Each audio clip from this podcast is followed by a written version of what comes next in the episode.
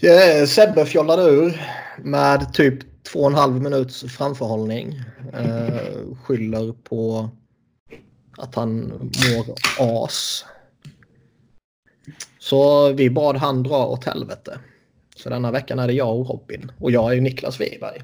Och Robin är Robin Fredriksson. Och trots att han dricker alkohol så mår han inte bättre. Nej, sjukt. Han har sagt att han har pumpat i sig whisky och han blir sämre av det. Ja, uh, nästan som att man kan tro att det där med att dricka alkohol när man är sjuk, att det ska hjälpa. Att det är någon sorts myt som är skapad. Alltså det beror ju på vilken sjukdom det är här. Alltså, alltså det, är, det, är aldrig bra att dricka. Det kan dämpa är man vissa lite symptom. sådär rosslig Alltså- i halsen så kan, man ju, kan det vara fint med whisky. Alltså det kan vara skönt, det kan dämpa några symptom. Men det är aldrig nyttigt. Alltså det är inte... Det är aldrig bra att dricka alkohol om man är sjuk. Ja, det... Jag håller inte med. Okej. Kan jag ta det här med vaccin nästa vecka också? Vad dåligt. Ja, jag tror inte på sånt. Mm. Ja, välkomna till eh, Fördomspodden och eh, Alkoholpodden. Ja. Ja. Vi, eh, ja, vi kommer väl göra lite uppehåll då och då för att spontant slänga skit på Sebbe. Eftersom han eh, ja, sätter oss i skiten med två minuters framförhållning. Eh, Så det får ni leva med den här veckan. Men annars hoppar vi väl rätt in på skiten bara. Och ja. går rätt in på veckans hetaste. Och jag menar faktiskt inte att Jorre Lehter har satt sig på waivers utan jag menar Austin Matthews. Mm. Han signade för sitt femårskontrakt på 11,634 miljoner. Och innan vi går in på han och kontraktet och hela det här köret.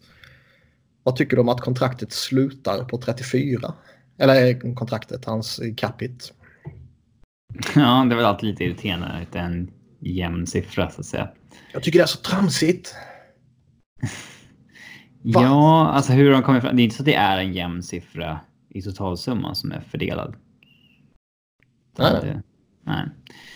nej. Men. eh, Ja, det är väl inte stora punkten. Direkt. Okej. Men, Vad är den stora punkten då? Ja, det är väl att eh, han eventuellt startar en ny trend med att signa kortare kontrakt istället för långa kontrakt som eh, som tar honom till UFA när han är yngre. Eh, och ju mer och mer jag tänker på det desto mer klokt tycker jag det är av honom. Alltså hans, han vet ju att Detroit, eller Detroit, Toronto kommer vara mm, framgångsrika och eh, liksom slagkraftiga de här eh, fem åren. Och sen Mm. styr han ju liksom sin egen framtid på det. Alltså, om de är skit om fem år, då kan han dra. Fortfarande vara i sin prime. Han kommer ju signa ett jättekontrakt då också. Jämför Oh med Conor McDavid, han är ju liksom fast i Edmonton. Eh, det, det, det kan eventuellt bli en ny trend här att signa kortare kontrakt med. För, alltså ju fler signingar du gör desto högre, alltså mer pengar kommer du spela in. I och med att tak, taket ökar varje år och att eh, jo. Ja, alltså hade Conor McDavid signat ett till kontrakt om fem år istället för ett om åtta år, då hade han ju ökat sin lön år 6, 7, 8 på det kontraktet så att säga. Eh, Mm. Fruktansvärt mycket. Eh, så att ja. Eh, och för Torontos del. Ja, det hade väl varit nice såklart att ha honom på åtta år och ha det klart liksom, men. Eh, Fast alla åtta års kontrakt oavsett vilken spelare i vilken ålder är ju ett risktagande. Ja, kanske Sen är det klart att risken är ju avsevärt eh, mycket... Elit, kanske inte med elitens elit. Nej, det är klart att risken är mycket, eh, alltså mycket, mycket mindre med Matthews och McDavid och, och så här än vad det är med en 27-åring eh, som kanske till och med har passerat sin prime men som förtjänar det retroaktivt och sådana här saker. Mm. Uh, men att committa sig på åtta år på stora pengar är ju trots allt alltid en, en risk man tar. Mm. Och jag tror väl... Jag tror ju inte bara att ett femårskontrakt här är någonting som Toronto är missnöjda med. Nej, men jag tror inte att de hade varit rädda för att signa åtta år. Nej, det alltså, tror inte jag heller. Det är inte därför det blir fem. Skulle han sagt jag ska ha åtta eller så kommer jag inte signa. Så det är klart man signar honom på åtta. Det är inte så jag menar. Nej, men då hade vi varit uppe på 13 mil kanske. Ja. 13,5. Och då hade det ja, varit svettigare år framöver. Men överlag så har ju Dubas misslyckats ganska hårt med det här att det ska, det ska bli discounts här för att här ska vi vinna. Mm. Eh, det, det verkar inte hända liksom. Eh, framförallt inte med hintarna från Mitch Marners agent heller. Eh, så nej, eh, men alltså överlag hanterbart bra eh, av Leafs. Eh, väldigt eh, nice tycker jag av eh, Matthews att välja det kortare kontraktet. Och, alltså, han kommer ju få ett jättekontrakt efter det här. Det är ingen risk att signa fem istället för åtta år. Och han är alltså... Han är ekonomiskt oberoende efter det här ändå. Oh ja. Det här kontraktet. Så att, eh, det är inte så att han riskerar att bli skadad och behöva ta ett jobb liksom. Vi ser ju eh. också att eh, i princip hela kontraktet är ju signing-bonusar. Ja, och där har vi en punkt i nästa CBA. Det är väl 93 procent av kontraktet som utbetalas i sign-on-bonusar. Mm. Eh, och det... Vi har sagt det tidigare, men det är ändå gött att det, det gick ut något sipprade ut något rykte så här om det var i somras eller om det var eh, förra sommaren eller vad det var nu var liksom att att ligan eh, påpekade för lagen att vi tycker inte om att ni delar ut så stora signingbonusar. Och mm. det första som sker efter det var att någon stor spelare, jag inte vem det var, var det Tavares till och med kanske, Ja, att det var ligans lag som gjorde det direkt då. Ja, att det var det stora som bara ger långfingret till ligan och här har ni det, det där kontraktet som ni absolut inte ville ha. Ja. Varför är det dåligt med sign-on-bonusar då? Um... Vi fick ju en lyssnarfråga på det. Alltså, jag har inte läst körschemat. Så men, eh, jag ska hitta den. Kan ni förklara varför det blir så stora sign-on-bonusar på till exempel Matthews kontrakt? Vem tjänar mest på det och i så fall varför? Ja, men... alltså... Det finns ju, alltså det första och som kanske egentligen inte är aktuellt för, för eh, just i Matthews fall men som kanske är aktuellt för vissa lite lägre ner på hackordningen är ju att de är ju mer eller mindre buyout proof. Ja. Så tillvida att det är lönen som eh, köps ut och inte signing-bonusar vilket innebär att man inte sparar någonting på den. Ja. Sign-on-bonusarna betalas ut även om det är lockout eller inte. Vilket ja. också kommer bli relevant. Ja. Eh, och sen så framför allt sign-on-bonusen betalas ut första juli tror jag istället för att betalas ut som en vanlig lön året om i en klumpsumma. Och det här ger ju då de, de rikare lagen en jävla fördel. För de, de små lagen kommer inte ha råd att betala ut alla löner i sign-on-bonusar samma datum. Bara sådär. Eh, Toronto Nej, kan göra det. Och, det. och det är väl här kanske liksom eh, det börjar bli liksom inte riktigt cap circumvention, men liksom det ger ändå det lika lagen en fördel för att de har pengar så att säga. Jag har ju alltid sagt att eh, i grunden är lönetaket bra, men jag tycker ändå att de rika lagen ska kunna få utnyttja på ett tydligare sätt att de är rika. Det här är ju ett sånt sätt. Ja. Rangers och Toronto som kanske är de två tydligaste exemplen kan ju pumpa ut en jävla massa signing-bonusar. Mm. Grejen är att det är en garanterad lön för spelaren oavsett om du lockout eller inte och, och så vidare. Eh, så att ägarna för de 15-20 lagen i ligan som inte är stenrika. De gillar ju inte att det skapas en trend av att spelare får igenom kraven på att det är sign-on-bonusar. Mm. Eh, så jag, jag, tror absolut att i nästa CBA kommer vi ha någon form av eh, krav på att max 25% av kontraktet får betalas ut i sign bonusar eller någonting. Ja, och det har ju eh, ryktats eh, rätt mycket också om att ligan vill införa en eh, eller dra ner på maxgränsen. Så att det kanske ska vara fem år som är maxgräns istället för åtta år på, på kontrakten. Känns lite väl. Ja, men sen samtidigt börjar man se...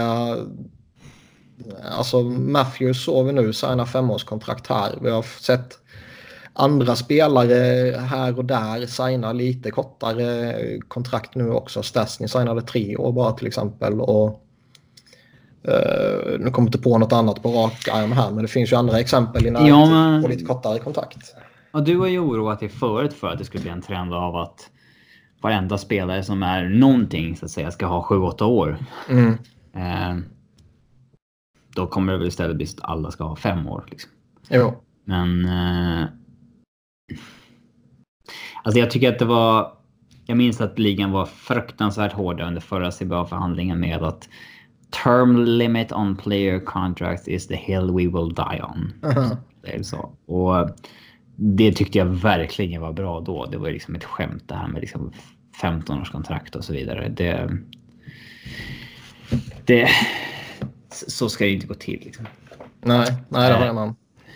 Så där tyckte jag att det var fruktansvärt bra att de lyckades sätta stopp för det.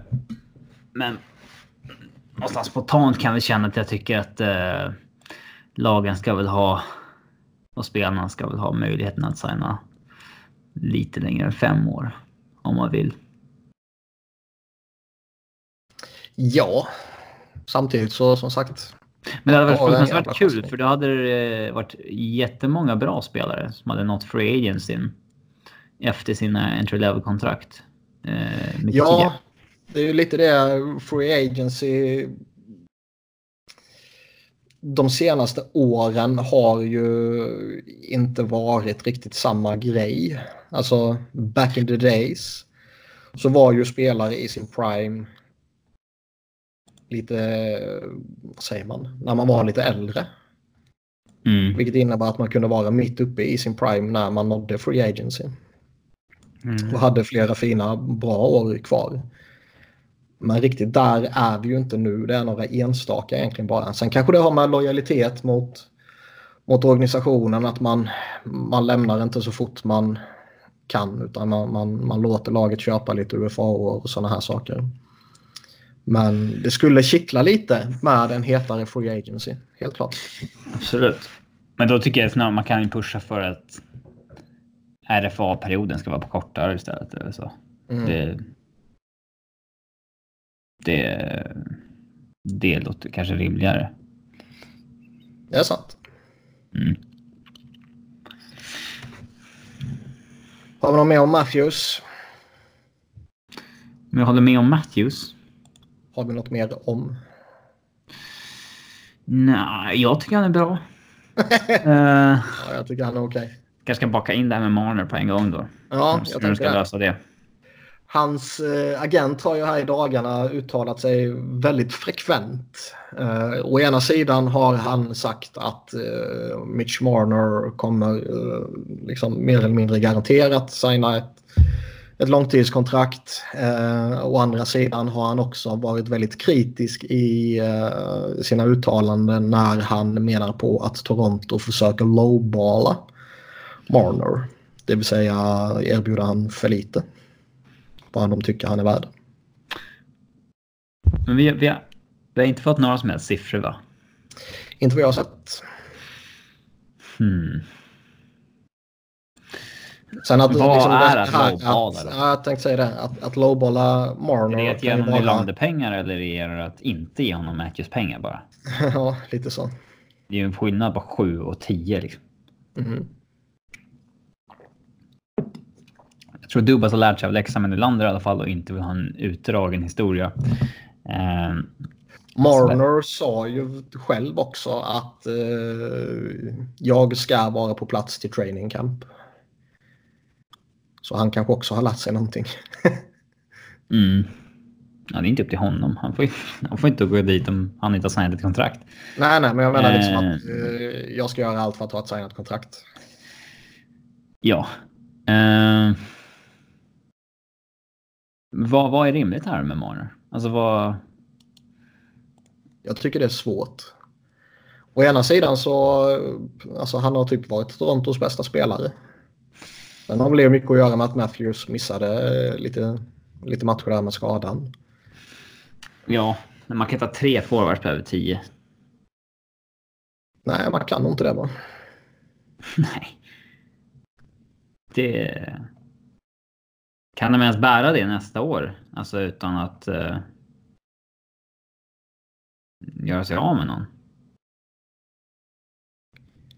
Det är svårt att tolka deras cap-situation eftersom de har liksom, de har ju fortfarande de retainar lön på Kessel och de har Nathan Horton på injured reserve och alltså.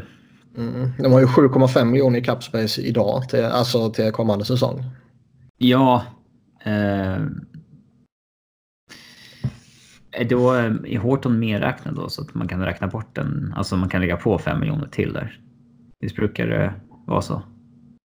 Uh, jag vet inte. Ja. Uh, men det borde han vara de, de eftersom det säkert, pratas något om det. De kan säkert lösa så att de kan ha honom under kontrakt på 10 nästa år. Alltså. Ja. Uh, men.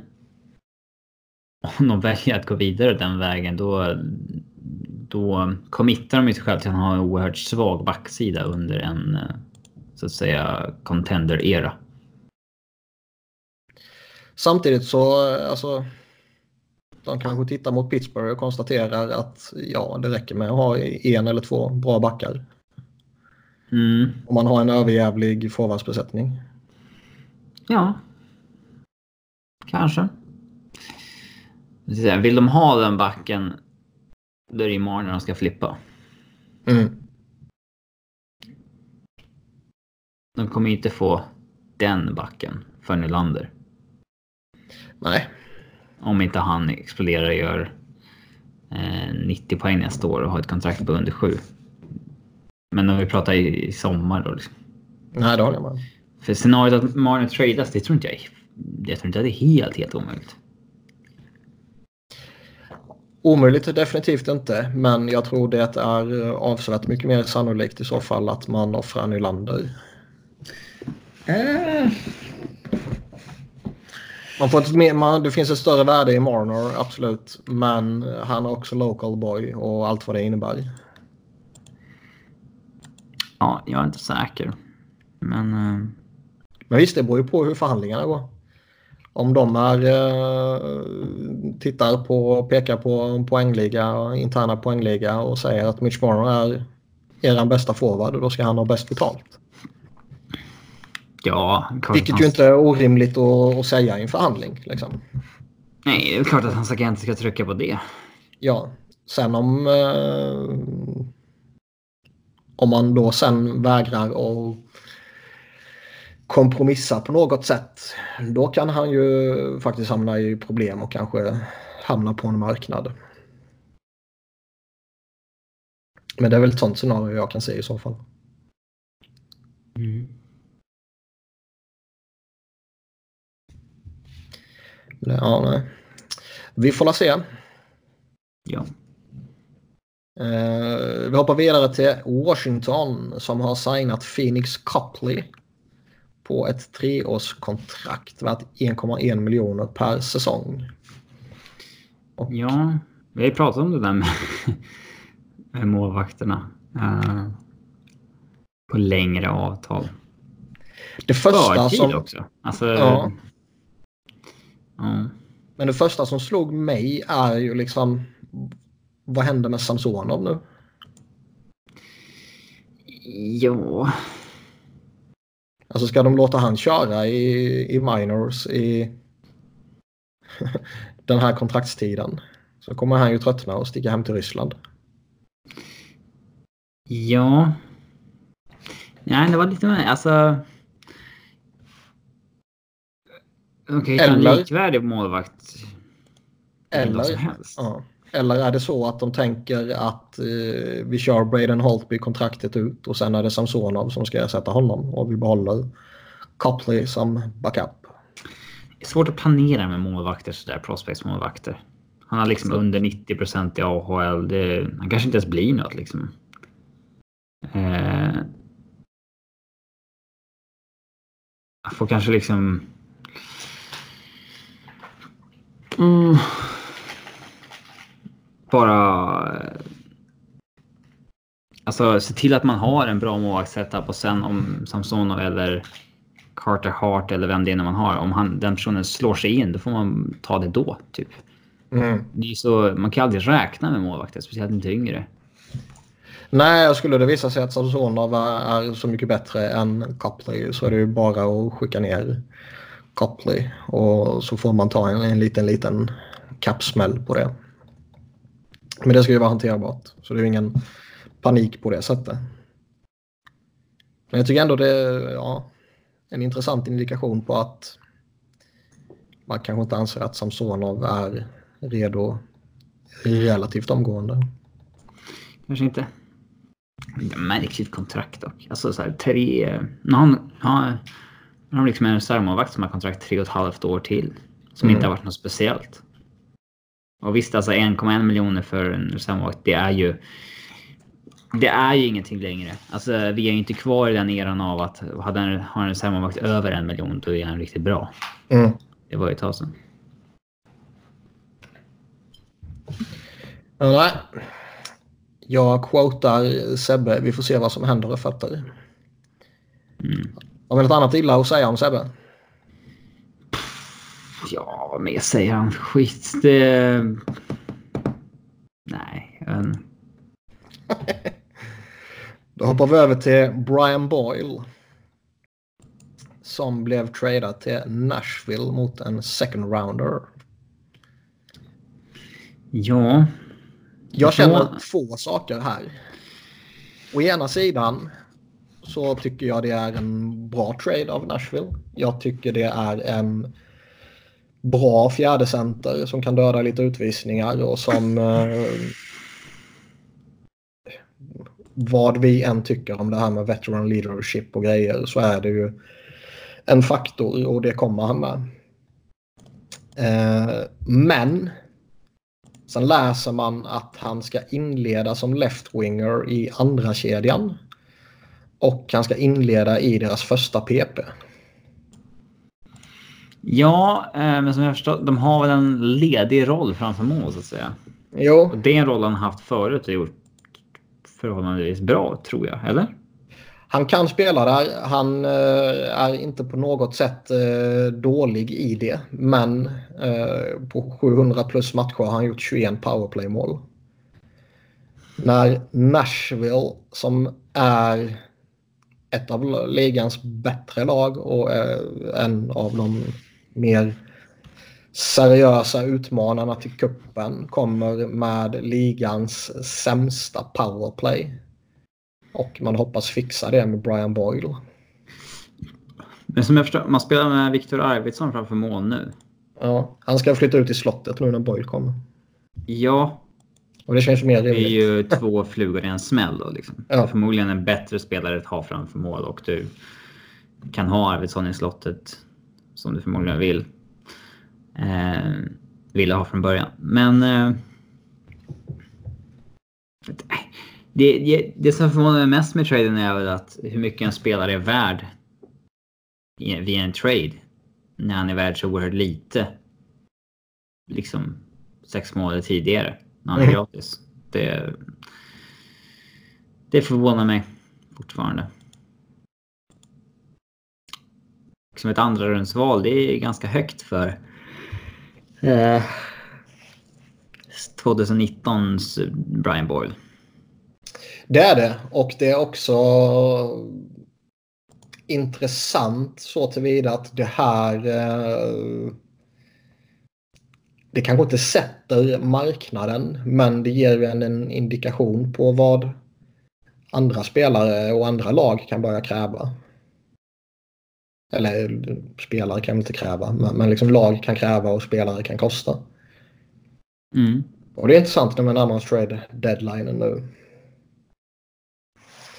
Uh, annars tror jag han, är, han kommer vara nyttig för dem. Uh, I längden så kan jag ju inte se att han är en topp 6-spelare för dem. Det är ju ett enormt svaghetstecken i så fall. Utan uh, han måste ju petas ner lite längre ner. Och förmodligen är de väl fortfarande intresserade av en, en rental till. Men de gjorde också en trade. där de plockade tillbaka Cody McLeod. Och skickade ett val i sjunde rundan till Rangers. Mm. De fick ju Zach Rinaldo skadad borta säsongen ut så då behövde de en annan idiot. Ja, ja. Jag tror inte att de resonerat så, men... Nej, jag tror ju inte det är en slump att han, han försvinner. Uh, och sen så känner de att de saknar någonting och sen kommer Code McLeod. Ja. Men så här, det här är andra gången David Poyle tradar för Cody McLeod på, på år. Ja. Eh, och då är David Poyle en av ligans erkänt bästa general managers. Och jag gissar på att McLeod inte kommer spela varje match. Nej. Bara då och då. Eh, det, det, här säger oerhört mycket om vad, vad Cody McLeod är för, för människa. Alltså att de bara vill ha tillbaks honom för att ha honom där. Ja. De tappade ju Austin Watson. Nej, vad heter han? Uh, ja, Austin Watson. Ja. Han är en dålig NHL-spelare, men han kan fortfarande spela. Liksom, och, uh, men... Alltså om, om man nu anser att han är en jättebra spelare att ha runt laget och så.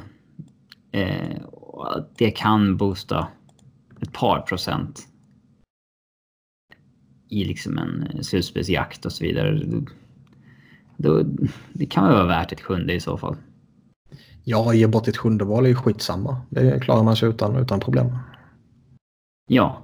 Eh, det är ju väldigt lätt för oss att bara titta på liksom hans eh, Corsi points per 60 och så vidare och garva åt att någon vill ha honom. Men alltså de har haft honom där. Har tappat honom. Väljer att köpa tillbaks honom. Eh, det säger ändå en del om vad de anser om honom som eh, ledarfigur. Liksom. Absolut. Um, ja.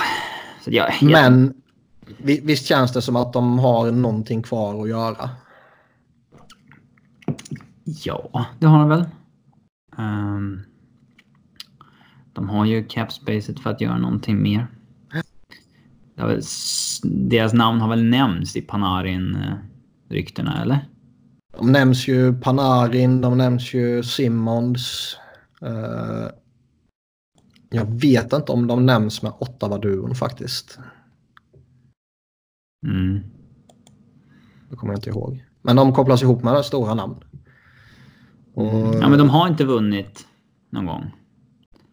Det gör ju att uh, David Pauls... Alltså... Att han kommer vara något mer trigger happy. Om det dyker upp en deal som kan pusha dem liksom. Över gränsen. Och det, det är väl klart att de ska gå för det. Liksom. Mm. De har ju så pass bra lag. Mm. Om vi hoppar vidare till eh, Pittsburgh och Florida då istället så har vi en annan trade. Där Penguins plockat på sig Nick Bjugstad och Jared McCann. Skickade Derek Brassard och Riley Sheehan en second rounder och två fourth rounders till Panthers. Mm. Uh, tycker väl att det är bra av Jim Rutherford att uh, liksom erkänna sitt misslyckande med både Brassard och Riley Sheehan. Att det liksom inte har varit bra fits överhuvudtaget.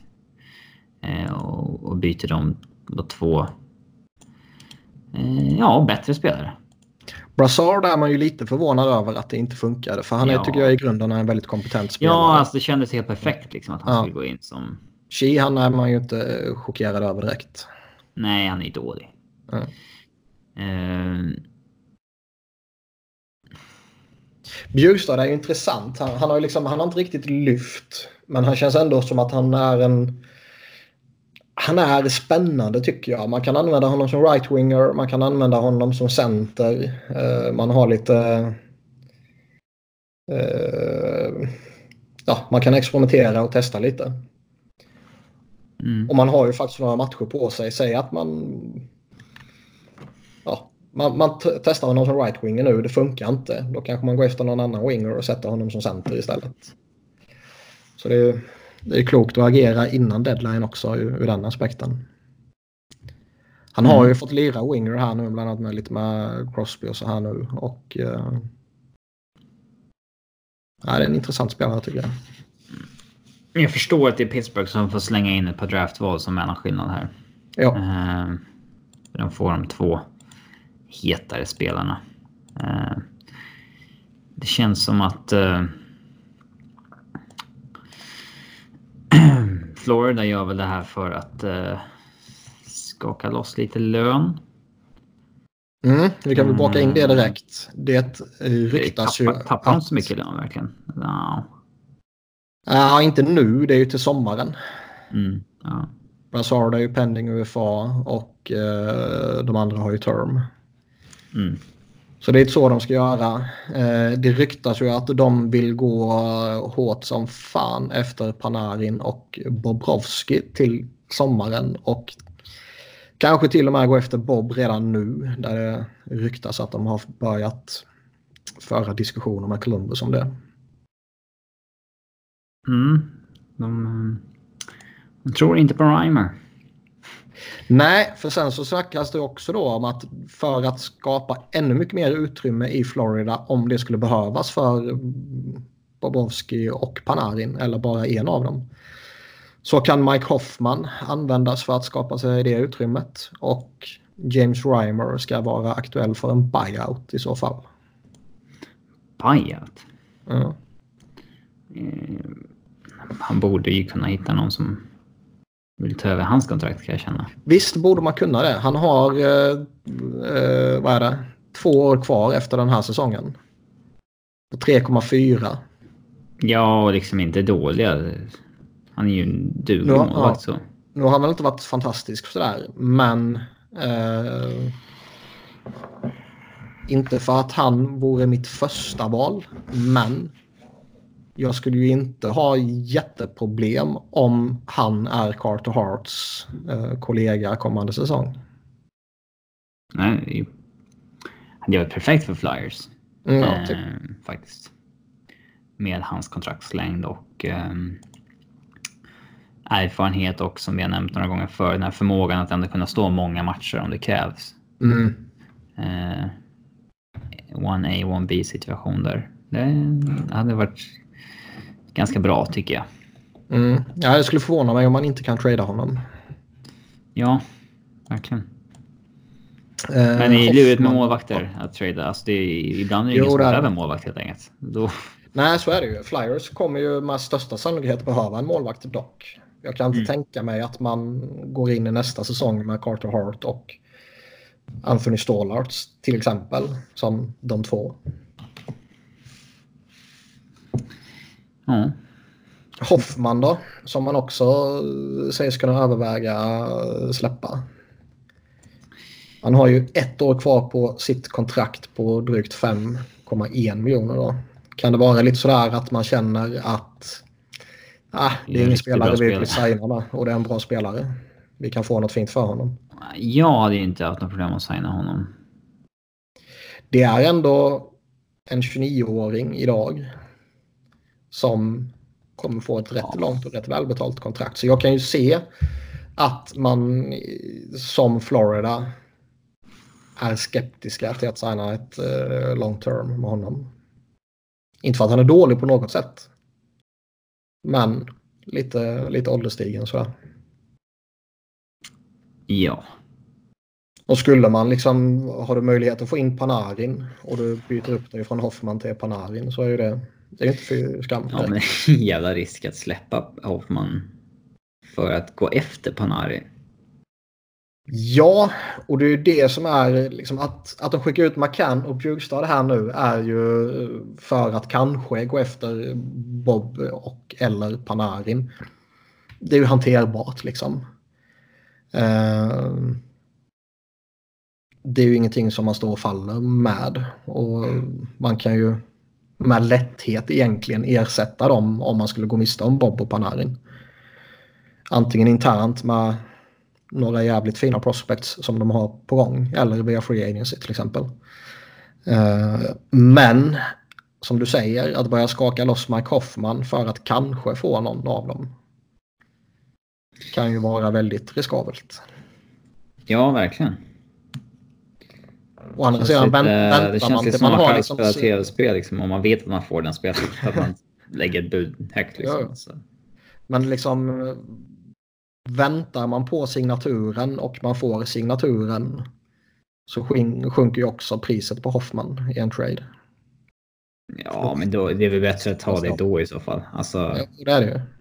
Då har du ju fått, du har ju fått Panarin då för ingenting i utbyte. Jag håller med helt och hållet. Ja. Uh, nu har ju Panarin har ju någon jävla lägenhet i Florida och bla bla bla. Uh, Vad fan det? ja. Skönt väder, vad vet jag.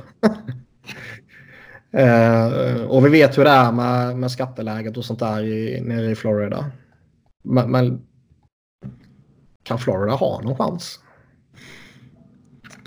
Det är inget superhett lag. Nej. Jag tror de kan ha chans. Då, men... på, jag, jag tror de kan ha chans på Bobrovski. Uh, Otroligt mycket pengar de har på Mars-positionen i så fall. Med Longo, Reimer och eh, Bobrovski. Mm. Ja, jag tror inte de kommer att köra på alla tre direkt. Nej. försvinner ju Reimer om inte Bobby Lou uh, sätts på long term injured reserve eller något sånt där om han börjar gå sönder. Uh, det här är sista året som Bobby Lou har en respektabel lön. Han har 3,3. Ja. För han har haft 6,7 i fjol. Nästa år är den nere på under 2 går till 1,6. Han kanske lägger av i sommar helt enkelt. Och det vore absolut inte... Han kommer inte lägga av utan han kommer ju bli skadad. Eller ja. allergisk. Då måste man ju ja. få igenom det. Det är inte bara att anmäla sig som skadad. Utan det... Nej, men vi vet ju att han har haft skadeproblem rätt länge. Ja. Eh. Och kan Marian Hossa bli allergisk mot sin hockeyutrustning så kan Bob Lou få en career-ending injury med tanke på hans historik. Känner jag mig rätt så övertygad om. Mm.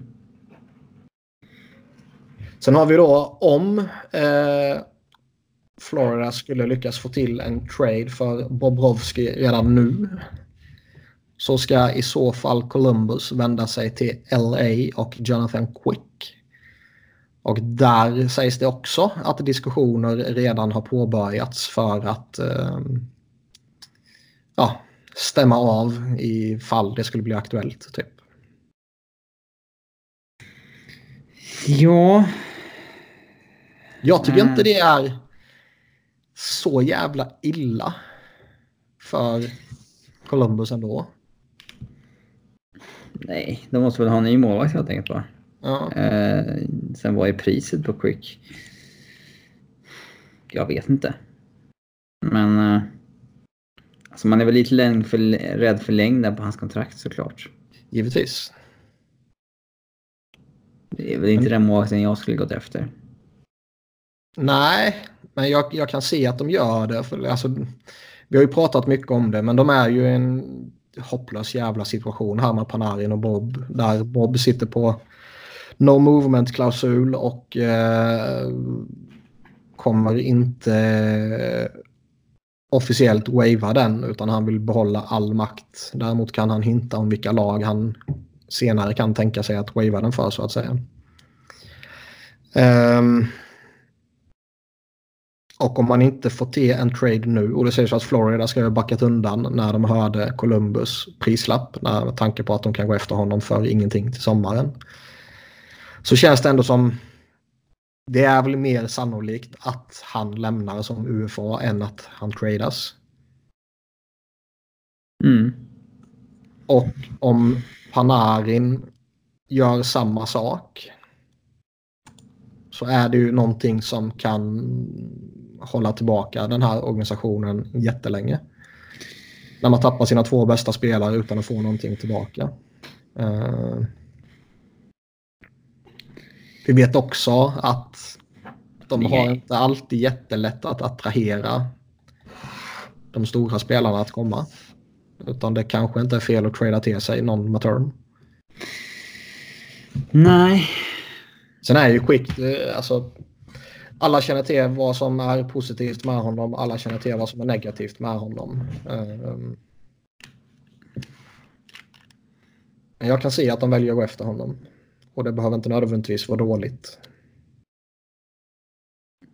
Nej, men jag hade inte betalt dyrt för honom. Ehm. Det hade man. Tuffa beslut att ta där i Columbus. De ligger ju ändå på ett wildcard-plats nu liksom. Och det kan vara sista chansen de har, har på ett slutspel på ett tag om de tappar de två spelarna. Och då ska... Det är det som är så svårt. För att få någonting tillbaka för dem så måste de trada dem nu och då kan den här säsongen... Ja. Ja, jag, det, jag har sagt det tidigare. Jag, jag, tycker man kan argumentera åt, åt båda hållen. Med, med relativt solida argument för att försöka göra allt vad man kan för att skicka dem eller göra allt vad man kan för att gå till slutspel. Uh, jag tror man landar i att det är för stora assets för att släppa dem bara sådär utan att få någonting tillbaka för någon av dem. Jag tror Panarin kommer tradas och Bob kommer stanna. Mm, kanske det. Och Panarin kom, även om Panarin nu har gått ut och sagt att han eh, inte kommer eh, signa något under säsongen oavsett vilket lag utan han kommer, han kommer testa marknaden. Liksom. Så det är en helvetes rental man kan få där. Och på bara 6 miljoner så kan i princip alla lag peta in honom. Mm. En Tampa skulle kunna gå efter honom. Liksom. det är orättvist. Ojämna lag, blanda om. Alla får lägga klubborna i mitten, så blanda om. Uh... Så där tror jag man kan få något för honom. Mm. Sen nu, nu, när han har gått ut och sagt att han inte är redo att signa med ett nytt lag. Det kanske gör att ett lag som ja, Florida till exempel och, och, och, typ Rangers, Philadelphia, lite andra sådana här lag som har ryktats vara sugna på honom.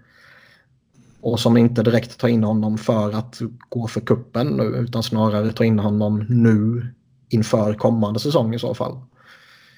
Det gör ju att de kanske inte gör den traden längre. Mm. Rimligtvis.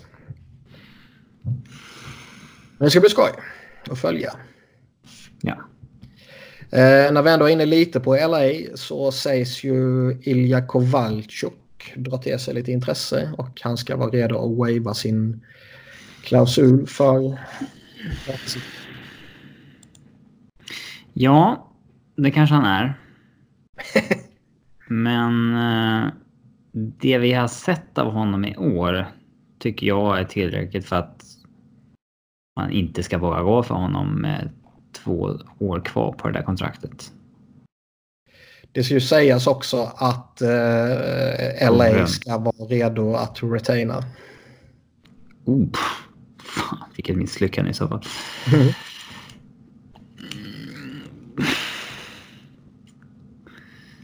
Skulle han bara ha ett år kvar? På vilka man är såklart. Alltså har man utrymmet. Alltså. Toronto kan ju inte göra det liksom. Tampa kan inte göra det, men det finns ju lag som har utrymmet kommande år att ha en spelare som är något överbetald. Mm. Eh, men som kommer med en star power liksom. Eh, har vi något lag med löneutrymme som ändå kan klassas som ett bra lag att gå till? Eh, som Mm. kommer ha svårt att attrahera spelare på free agency-marknaden. New Jersey. Ja, men kan, nu, tror inte jag att, nu tror inte jag att Kovacic och eh, Tortorella är en bra kombination, men Columbus då kanske. Liksom. Ja, absolut. Men jag är väl... Ja, nej. Alltså om, om man var osäker i somras på liksom om man vågar ge honom en topplön, om man vågar ge honom två år, om man vågar ge honom tre år. Så skulle jag nog efter att ha sett honom en halv säsong nu vara relativt skraj för att. Alltså det farhågorna man hade i somras är ganska bekräftade Lite så. vad det gäller hans förfall. Mm. Nej, jag är på din sida där. En annan gammal veteran, Ryan Callahan, ska ha blivit tillsagd att han numera är trettonde forward i Tampa. Ja, såg att Dion Phaneuf är helt i scratch i Kings ikväll också. Ja, Fan, jag tänkte på en grej med Dion Phaneuf. Alltså, han, när han kom in i ligan, då var han liksom en potentiell Norris-back. Han var ju mäktig som fan där några år. Ja, men alltså 60 poäng och fruktansvärt fysiskt liksom i... Han var nya Pronger liksom. Ja, Eh, och han höll ju den nivån första... Pff, fram till traden till Toronto i princip. mm. Fem år där i, Flames. Och jag var fan... Det, man pratar om spelare som hade passat bättre i andra eror. Hade han kommit in i ligan tio år tidigare. För nu har ju ligan sprungit ifrån honom. jo, så är Han det. hänger inte med, eller hans egenskaper passar inte dagens hockey. Men hade han gått in i ligan samma period som Pronger typ och lagt av när Pronger la av. Jag vet fan om han inte hade haft ett liksom princip Hall of Fame-rykte liksom. Jag tror det kan ligga mycket i det. Man pratar ju ofta om spelare som så här, typ Pavel Bure. Hade han kommit in i dagens hockey hade han liksom varit fantastisk. Oh ja. Och de, han var ju fantastisk då också, men... eh, Det är många som pratar om vissa spelare som skulle passa bra i olika eror och sådär. Jag tror inte man nämner Dion Phaneuf som någon som hade glänst under en annan era. Men jag tror nog fan att han hade haft ett, haft ett anseende som en, liksom en, är världens bästa backar om han hade spelat under en annan era. Mm. För det var inte så att han var en bluff första fem åren där i Flames. Nej, och jag tycker inte direkt eh, han bara var dålig i Toronto heller. Nej, nej. Nej, det- då var han fortfarande... Ja, gjorde vad han kunde i rollen som deras nummer ett. Liksom. Eh, Men de krängde ju honom i rätt tid till Ottawa. Mm. Sen imponerande att Ottawa lyckades hitta en köpare för honom när det var ännu mer tydligt att det här inte är bra. Liksom. Att Ottawa kan göra något bra. Vad kallar han då? Callahan. Ja. Det är väl inte så konstigt. Jag trodde nog att han hade varit nummer 13 någon gång innan om jag inte hade... Om jag skulle gissat. Mm. Ska man vara lite sådär konspiratoriskt och tro att det här är något förberedande inför sommaren? Ja, men det är väl Att bara man bra. redan, han- redan nu visar att du har liksom ingen framtid här. Ja, men det är väl bara bra. Liksom. Mm.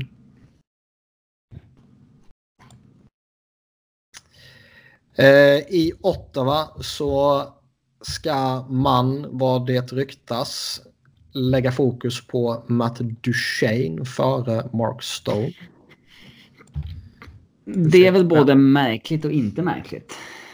ja. Alltså det är ju... Stone är ju deras boy. Men ska man bara behålla en? Då är det väl ändå centern. Eller? Ja, ja, det är ju viktigare att bygga kring en väldigt fin center än en winger. Om inte wingern är Alex Ovechkin. Liksom. Ja. Samtidigt är Stone lite yngre.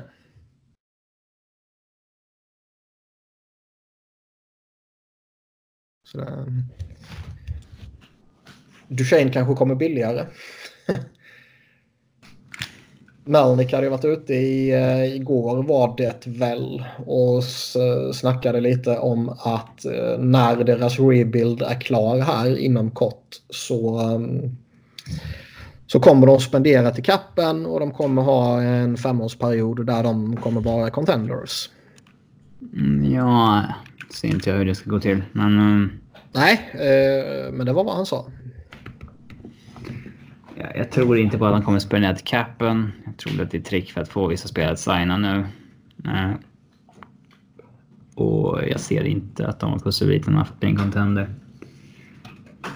Nej. Oavsett om man snackar eh, ägarsituation eller om man snackar eh, ledning med GM och så vidare eller om man snackar coach eller spelartrupp så eh, är jag skeptisk till den planen. Men ja, nej. Duchene. Ja, han är ju dum om man signar där. Ja. Gå vidare liksom. Fan. Och han borde ju fan promota sig själv som den nya Hossa liksom sådär. Signa ett år där jag tror du kan vinna. Så, alltså. Blir den där extra pusselbiten för något lag liksom. Det är. Mm. Det är en kille som förtjänar att spela ett bra lag liksom. Och aldrig gjort det någon gång liksom.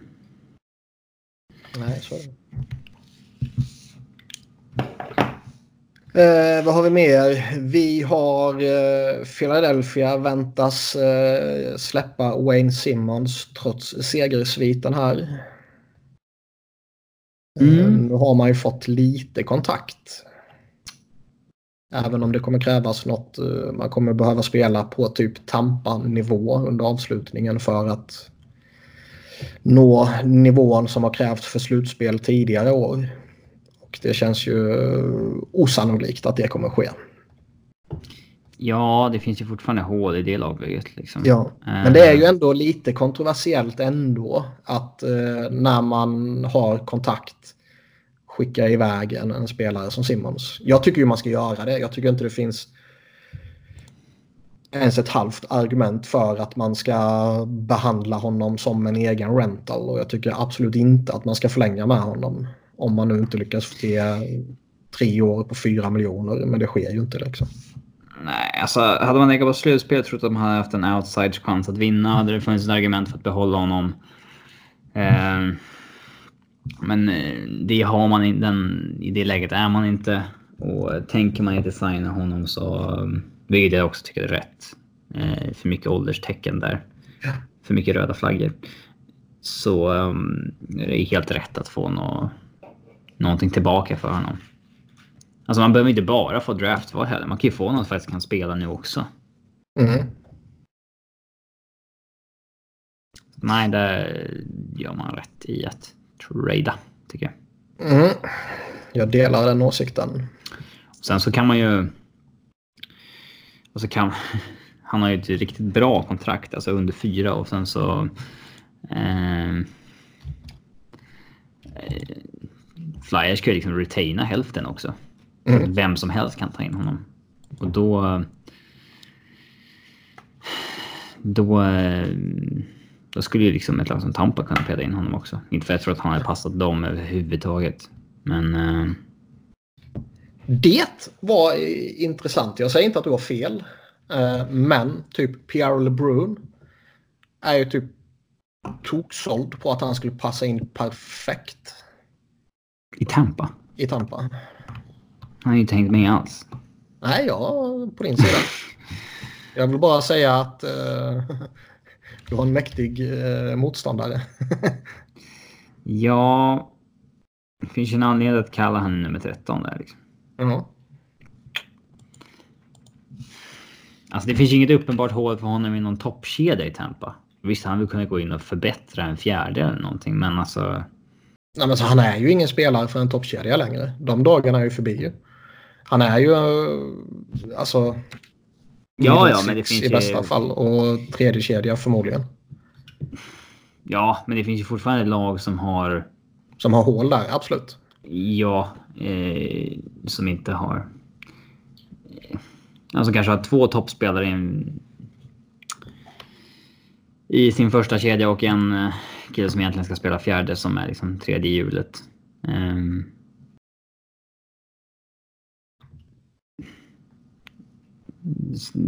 så, I sådana lag skulle han kunna gå in. Ja, absolut. Försöka komma på något alternativ här, men... ja. Washington. Washington. Emil Wilson i fjärde. Mm, ja. Mm, ja, men det blir intressant att se. Mm. Flames lär gå efter en sån spelare. Ja, Boston ska ju vara sugna också. Nashville har det ryktats om. Uh, Tampa som sagt. Toronto har det ryktats om. Uh, vi får se, det blir spännande. Mm, det är kul att trada bort spelare. Mm. Man är inte så emotionally attached till spelare som man var en gång i tiden. Utan man ser ju alla som handelsvaror numera. Alltså den enda som jag skulle bli genuint jävligt ledsen om man skickar honom det är ju Claude Drew. Ja. Så ja, finns det ju några sådana här Couturier, Provorov, Ghost, uh, Carter Hart givetvis liksom. De som man skulle... Ja. ja. men det är en bra deal på bordet då, då, då är man ju redo att pull the trigger. Jo. Vi har ju en eh, spännande situation i Chicago. Där det sägs att de ska ha frågat eh, Brent Seabrook om han är redo att wava sin klausul. Mm. Som han själv har förnekat att de har frågat. Men eh, det behöver inte betyda ett skit. Nej, men då är frågan. Har Chicago fått frågor om Seabrook och därefter gått till Seabrook och frågat om han är redo att wava? Mm. Eller är det Chicago som går till Seabrook och frågar om han kan wava för att de tror att det finns lag som vill ha Seabrook? Mm. För att alltså Bowman har ändå visat sig vara... Han, gick ju, han gjorde ju bort sig när han började signa komplementspelarna på bra löner. Då dödade han ju eh, Chicagos framgångsår. De hade fortfarande kunnat vara framgångsrika med Taves och Kane bara 30 år gamla. Liksom. Och, mm. Eh, Keith fortfarande bra. Förutom att han är omringad av skräp där bak. Liksom. Eh, men han har ju visat sig vara ganska klok här nu senaste året igen. Bara, bara Frågan är dock hur lojal han är mot sin cupcore. Ja... Kommer han liksom försöka driva Brent Seabrook ut från stan så att säga? Eller kommer han smyga han fram, inte... knacka honom lite på axeln och fråga eh, vad, vad Känns det som att han borde ha släppt det där lite va? Eller? Kanske. Han har, han har inte gjort det än. Eller alltså, han, han kanske har släppt det, men han har ju inte eh, gjort en sån trade ännu. Nej, inte riktigt. Och det har ju inte funnits någon anledning att göra det kanske Kane och Toews och, och Keith och Crawford liksom. Mm. Keith hade ju varit intressant att gå för om man inte hade haft något år extra där på avtalet. Alltså det... Mm. Han är fyra år efter den säsongen. Jag hade nog inte haft några problem att gå för honom faktiskt med tanke på hur otroligt liten lön han har kvar också. Nej, och så får man dem att retaina lite också kanske. Ja, 5,5 är ju verkligen... Det är ju inte... Det är en billig back idag.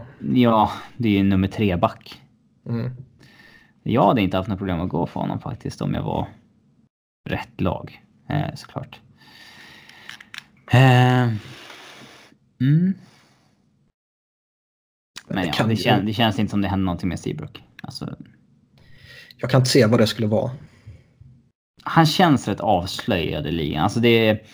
Han måste vara det. Ja, alltså det...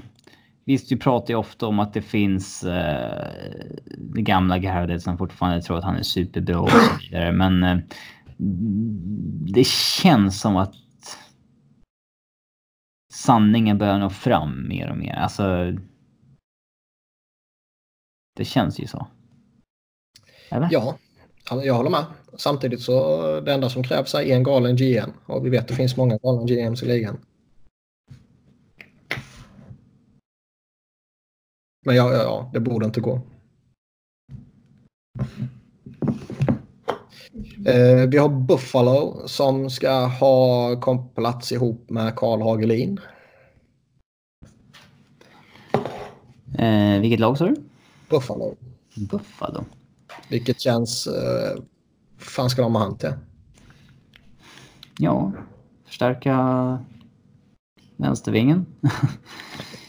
alltså han har ju... Ja, det är gärna jag hade gärna gått efter Hagelin i sommar när man kan börja signa honom på de här ettårskontrakten på en och en halv mil igen och sådär. Mm. Men han är ju en nyttig spelare. Han kommer, han kommer spela bra i den bottom six och han kommer döda lite utvisningar. Men han är ju en spelare, alltså. Han är en spelare du plockar in om du har chans att gå långt och vinna liksom. Mm. Ja, eller alltså vad han kostar. Han kanske en kille som går för ett fjärderumsval och så får en jo, liten absolut. förstärkning till slutspelet. Så är det väl och det är viktigt för Buffalo att nå det här jävla slutspelet och, och hela det köret. Ja, den biten. Alltså det är ju. Finns ju ett värde att vi, alltså att för fans och liksom hela den biten, sponsorer och skit att visa att man. Eh, man tar till slutspel. Mm. Det är mycket värt för vissa organisationer som inte har varit där på länge. Så är det.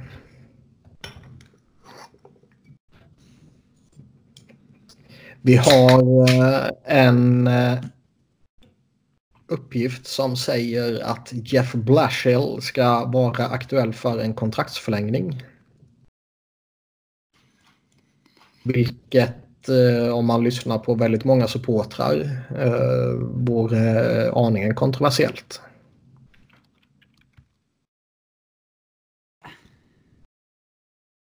Alltså ur ett utomstående perspektiv. Vad sa du att? Är det verkligen så kontroversiellt för, från ett liksom, neutralt perspektiv så att säga? Nej, jag tycker väl inte Alla det. hatar ju sina coacher. Speciellt när det går dåligt. Eh, oavsett om det är deras fel eller inte. Eh, han är ju deras kille. Eh, det intressanta dock är ju alla räknar med att Steve Eisenman går hem till Detroit. Ja. Alla utom Ken Holland gör det kanske. uh, om det är någonting på gång med Eiserman, att man redan nu vet det. Borde liksom inte han få bestämma vad som händer med coachen då? Ja.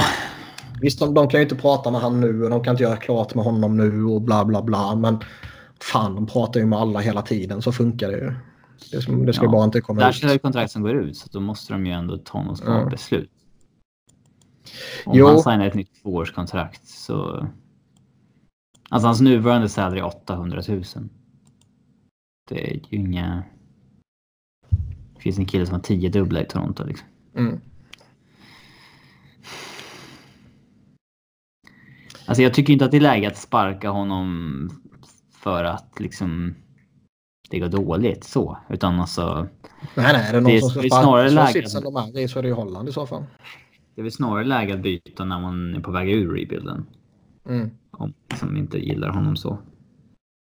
Men har man ändå, man har väl ansett att han är bra för de här unga som man har haft i AHL innan och så vidare.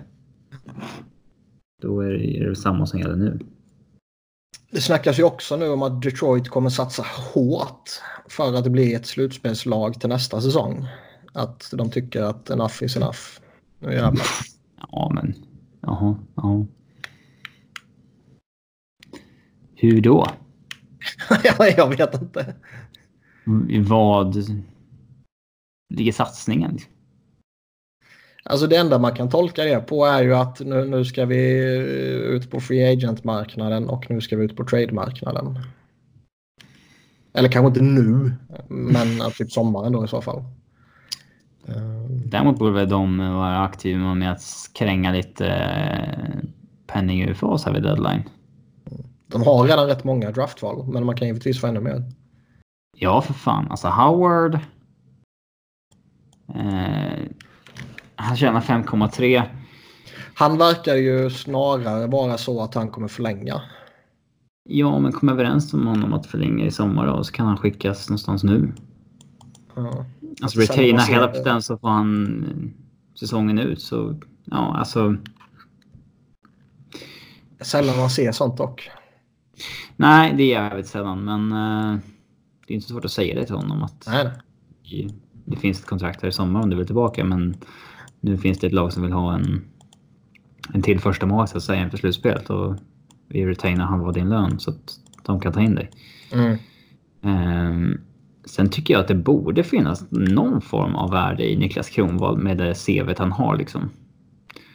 Även fast han är 38 år. Um, jag tror dock alltså, Det inte... finns otroligt många lag som vill ha backar i ett slutspel. Alltså du, ja. du kan ju tappa tre stycken liksom.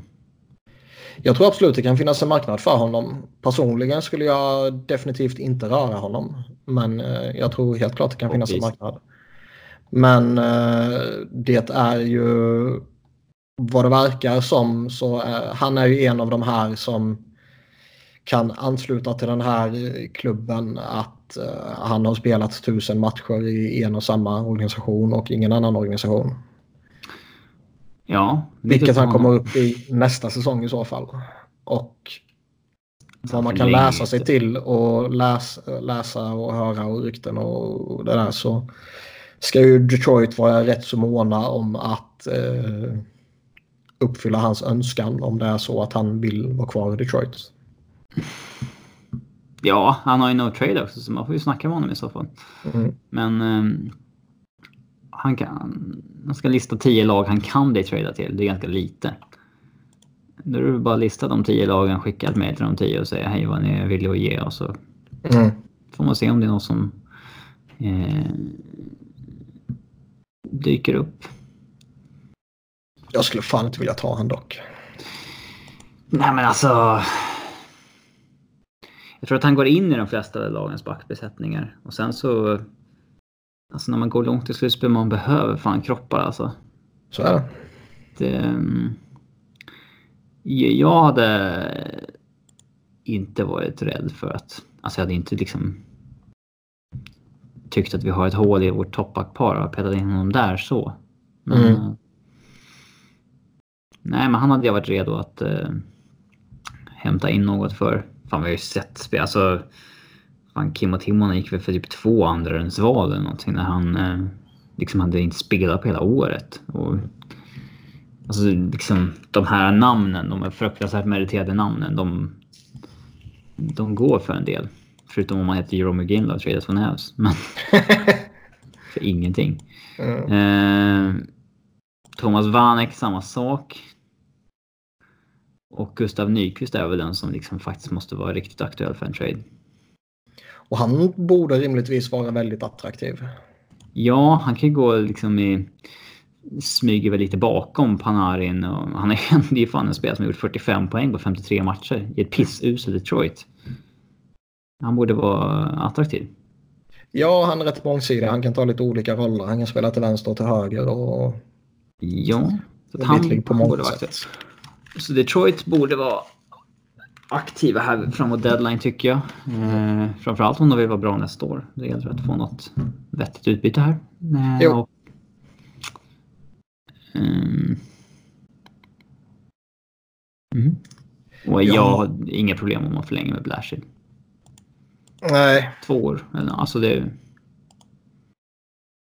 Vi har massa småskit här också, men vi skippar en del av det kanske. Och eh, hoppar på spekulationerna om att Patrik Laine kommer få ett korttidskontrakt av Winnipeg och att han kanske inte blir kvar där long term.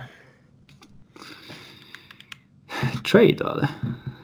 Ja, eller alltså inte nu uppfattar jag. Det var ju vad fan var det? Kypreos tror jag det var. Och han kan ju svinga hej vilt ibland. Ibland har han helt rätt. Men uh, han sa sådär. Det är en konstig kontraktsförhandling i sommar här. När han liksom ja. har haft ett riktigt märkligt år. Han gjorde 25, han gjorde 25 år på 53 matcher, vilket är bra. Alla 25 kom i november liksom. Mm. har typ inga assist. Ja. Och han har varit nere en bra bit i kedjehierarkin och sådär. Så det är ja. en lustig spelare, en lustig situation. Ja, vad ska man... Är det liksom... Är det den spelaren man vill ha på 10 miljoner på 8 år liksom? Nej, det är en jätteberättigad fråga. Jag vet fan inte alltså. Nej. Det är jävligt populistiskt att stå och tveka över det just nu när han liksom... Hans formsvacka såklart. Men... Mm.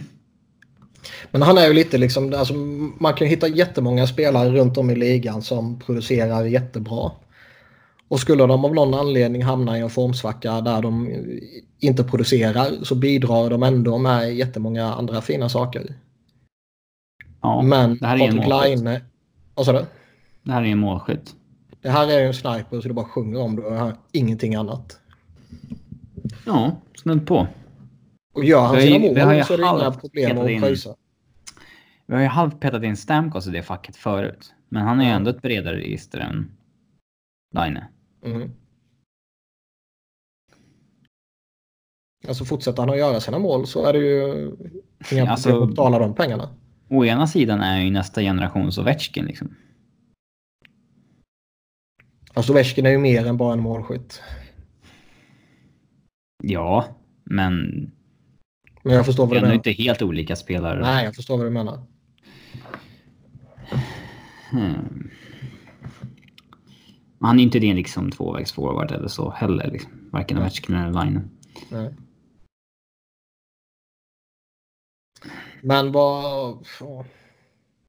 Man kan ju inte trada honom. Nej.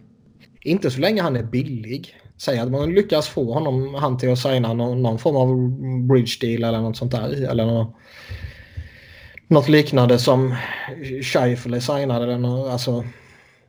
Signa ett år på sex eller någonting då. Ja. För jag menar, de är ändå i ett läge nu. Jag tror inte han kommer ta en riskant för att han har haft en pissäsong. Alltså så här och signa... Alltså gör han över 30 mål så kommer inte han acceptera att signa för typ 7 miljoner long term. Mm. När hans Parhes Matthews, den han alltid jämförts med, liksom nyss signade för 11,634. Mm. Mm. Det är viktigt för Winnipeg att ha honom de här kommande åren känner jag ändå. Alltså innan Wheeler och Big Buff och, och de där veteranerna börjar dippa av lite så är ju Winnipeg en supercontender. Och då behöver man en målskytt. Ja, målskytt är alltid välkommet. Mm. Sen kom det ju intressanta uppgifter från Colorado. Mm. Där Avs... Från ska... Greger? Ja, om Colorado då. Där eh, Avs ska ha erbjudit 6 miljoner till Mikko Rantanen inför säsongen. Och senare under säsongen 8 miljoner. Mm. Hur ser du på det? Uh, det jag har hört är att Rantanen inte har varit intresserad av att prata kontrakt under säsongen överhuvudtaget. Mm. Uh, Men om man erbjöd 6 i somras, det är väl... Uh, han kommer från en 84 poäng säsong med 29 mål. Uh, visst, det är väl att lowballa lite, men man pekar väl liksom på Pasternak, Forsberg. Uh, och jag tycker inte det är så jätte... Alltså det var hans första säsong när han var på den nivån. Ja, och jag tycker inte det är så jättekontroversiellt om det är det du utgår ifrån. Ja, nej, inte alls. Alltså det, från, från Avs att man börjar lite lägre och han börjar lite högre och sen möts man på mitten i en klassisk förhandling. Ja. Um, absolut. Um,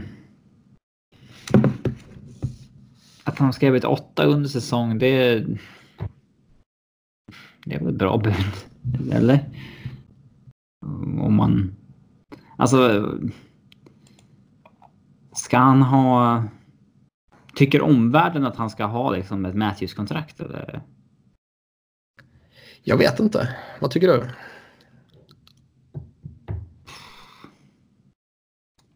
Ja, alltså man kan inte peka på McKinnons kontrakt. Där får man ju bara inse att ja, men här eh, tog vi jackpoten liksom och det, mm. det är någonting vi får glädjas åt kommande år, men det är inget vi kan jämföra någon annan spelare till liksom.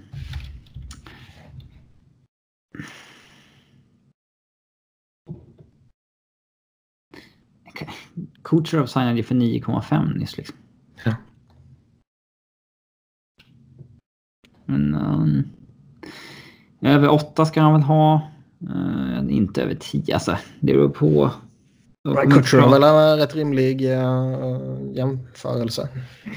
De kommer ju inte snacka förrän i sommar sägs det. Och det är klart att det är jäkligt avgörande på ifall han landar liksom över eller under 100 poäng. Mm. Nu har han ju tappat pace något enormt här när jag gått dåligt. Uh, Satan vad dåligt de har gått. Ja, ja, från, om man kollar från uh, första december så ligger man sist i ligan. Mm. Uh, under den perioden så man har liksom positiv course, man har positivt skottövertag och uh, hela den biten. Man skjuter ganska rimliga 9% typ. Men målvaktsspelet har varit fullständigt... Eh, jag tror man har tre, tre matcher som målvakten som startar matchen har haft över 90 procent sedan första december. det är liksom helt... Eh, det är befängt ju. Ja. ja, men alltså det går inte att vinna då. Nej. Du, det går inte att ha ett record där du vinner hälften av matcherna då.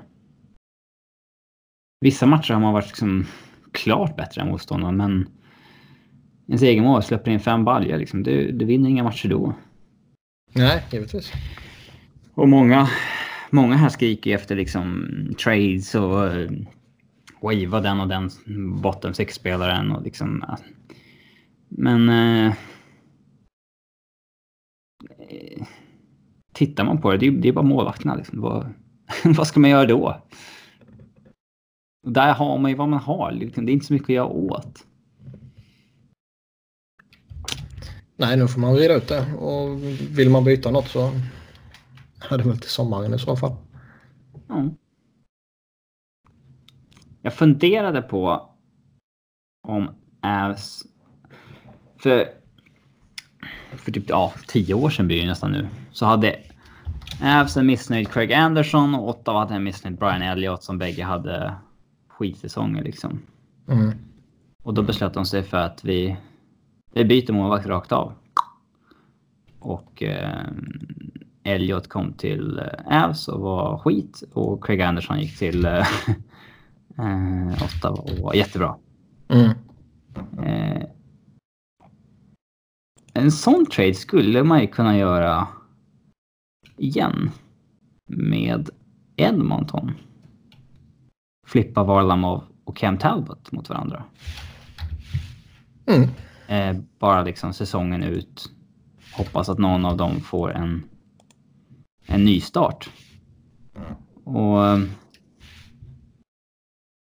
kör på det liksom. Ja, varför inte? Men, Talbot tror jag är om man vet att man inte kommer signa, Alltså man vet att man inte kommer signa eh, Varlamov. Tror jag nog att man gör ändå. Men eh, Mm. Eh. Ja. Någon, är någon som undrar varför Ävs har kraschat senaste sen jul och framåt. Så är, det bara målvakterna. Ja. Man har, man har fan bättre alltså, team statistic under den här perioden än man hade under Första tre månaderna utan... Jag vinner bara när de är dåliga. ja, det är gött ju. Mm. Eh, I ditt favoritlag så har ju Mikko Koivu gått sönder och blir borta säsongen ut. Sargat mm. knä. Ett jobbigt jävla slag för dem. Ja, då är det då viktigt att de tog in Viktor Rask. Ja. Om man nu litar på honom. Ja, men... Ja. Eh, ja, men det är klart att det är ett slag. Man kallar väl upp Joel Eriksson Ek direkt. Eh, vill jag minnas. Och, eh, men ja, det är ett slag. Det är ju definitivt. Mm. Ska de gå ut och handla? De har en slutspelsplats att försvara. Sen ska det bli mycket till om de kommer åstadkomma något i ett slutspel. Även om de har en frisk Koibo i laget. Alltså jag vet inte. Jag tycker att det är så... Jag, ty... jag ser inte dem som en contender. Men man kan ju dra det här att man har något jävla ansvar mot Paris Sutter och dem att liksom... Att gå för det. Mm. Men jag hade inte offrat några assets för det där. Nej, jag är enig. Eh, sista grejen vi har här innan vi tar några lyssnarfrågor är ju att Dave Hackstall har varit på studiebesök hos Tre Kronor. Eh, jag minns inte vem det var som bjöd in. Om, om Granborg och kompani bjöd in honom eller om det var han som bad dem att få komma så att säga. Men eh, han har varit med dem den här veckan och eh, de har bytt erfarenhet och det första som händer efter att Tre Kronor har haft en vecka med Dave Hextall är att de förlorar.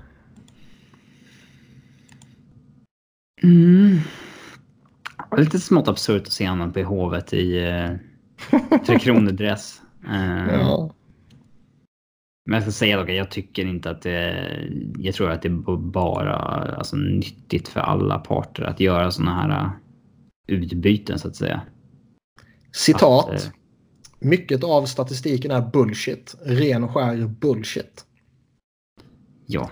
Eh, men han eh, sa ju också att han hade ett fantastiskt team i mm. Philadelphia som gav honom mycket värdefull information. Ja, som han sedan mm. ignorerade. Mm. Och sen är, tar han det vanligaste. Alltså, man kan inte bara blint förlita sig på statistiken. Det funkar inte så. Ja, men det är liksom ingen någonsin sagt att man ska göra. Liksom, Nej. Det, det är det mest tröttsamma som man ofta hör. Eh, det är det vanliga argumentet som de här som har något emot statistiken slänger ur sig och tror på något sätt verkar det som att det är ett relevant argument. Ja, det är så här som... Det är som om vi hade sagt att man kan inte bara lita på... Du får bara titta på video. Du får mm. inte se någon alltså målstatistik, assiststatistik eller någonting. Du får inte gå och kolla vem, vem har gjort 20 mål, vem har gjort 15 mål efter 50 matcher. Utan du, du måste bara förlita dig på videon. Mm. Det hade ingen gjort. Nej. Det, det, det där är ju bara korkat. Men eh, jag tror inte att det finns någonting dumt eller liksom onödigt för någon part i liksom sådana här eh, utbyten. Eh, Nej, givetvis. Det är positivt på många sätt och vis. Ja, så, alltså, så, länge, så länge man inte tar åt sig vad han säger. Nej, men liksom det, det är bra för honom att komma och få se hur Sverige jobbar. Sen så, eh, för Grönborg är det ju bra att få liksom få dit någon med erfarenhet från att ha varit headcoach i NHL. Man kan säkert läsa en del av honom hur, hur vissa saker funkar och inte funkar. Och, eh, och sen liksom allmänt få sina sina liksom principer och argument utmanade av någon och liksom eh, tvingas förklara för Hackstall att eh, Varför gör ni så här? Mm. Och liksom, det är nyttigt för alla ledare att eh, argumentera, att behöva lyfta fram argument för att man gör saker på vissa sätt. Absolut. Att det inte bara är liksom ekorrhjul som snurrar utan liksom det... Man faktiskt har en, eh, en anledning till varför man gör saker. Och det kan ju säkert vara så att någon frågar varför rullar ni på det här? Vad ska det ge? Och att man då liksom... Ja, nej, nej, det... Jag vet faktiskt inte. Man, man får sig en tankeställare liksom. Så är det. Jag, jag tror bara sådana där utbyten är positivt för alla parter. Det håller jag med om helt och hållet. Det blir bara komiskt när det blir den här sopan. ja.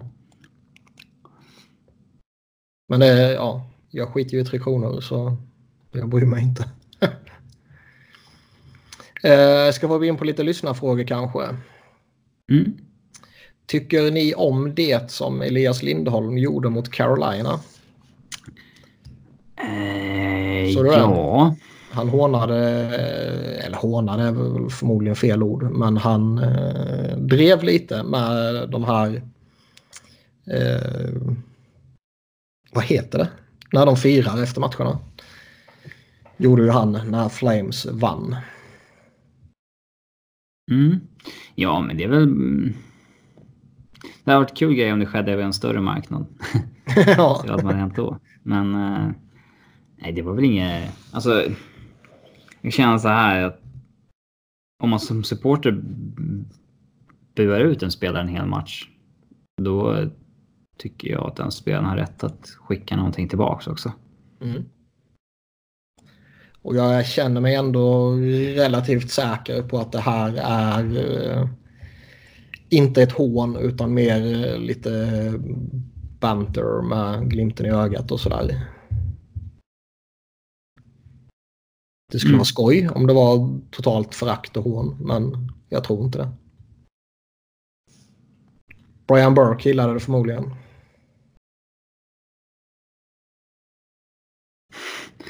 Ja. Vi, ja, vi har ett, eh, ett förslag här på Mitch Marner mot Artemi Panarin. Panarin blir billigare? Frågetecken. Och får spela i storstan. Ja, varför inte egentligen? Jag skulle säga att Maren ska signa i Columbus, men han är RFA så då får han ju bara finna sig i det. Mm. Eh, kan man få Panarin att signa så absolut. Men jag tror inte att han skulle bli billigare än Marner efter i år. Då är det Nej, nog samma nivå. ja lite så.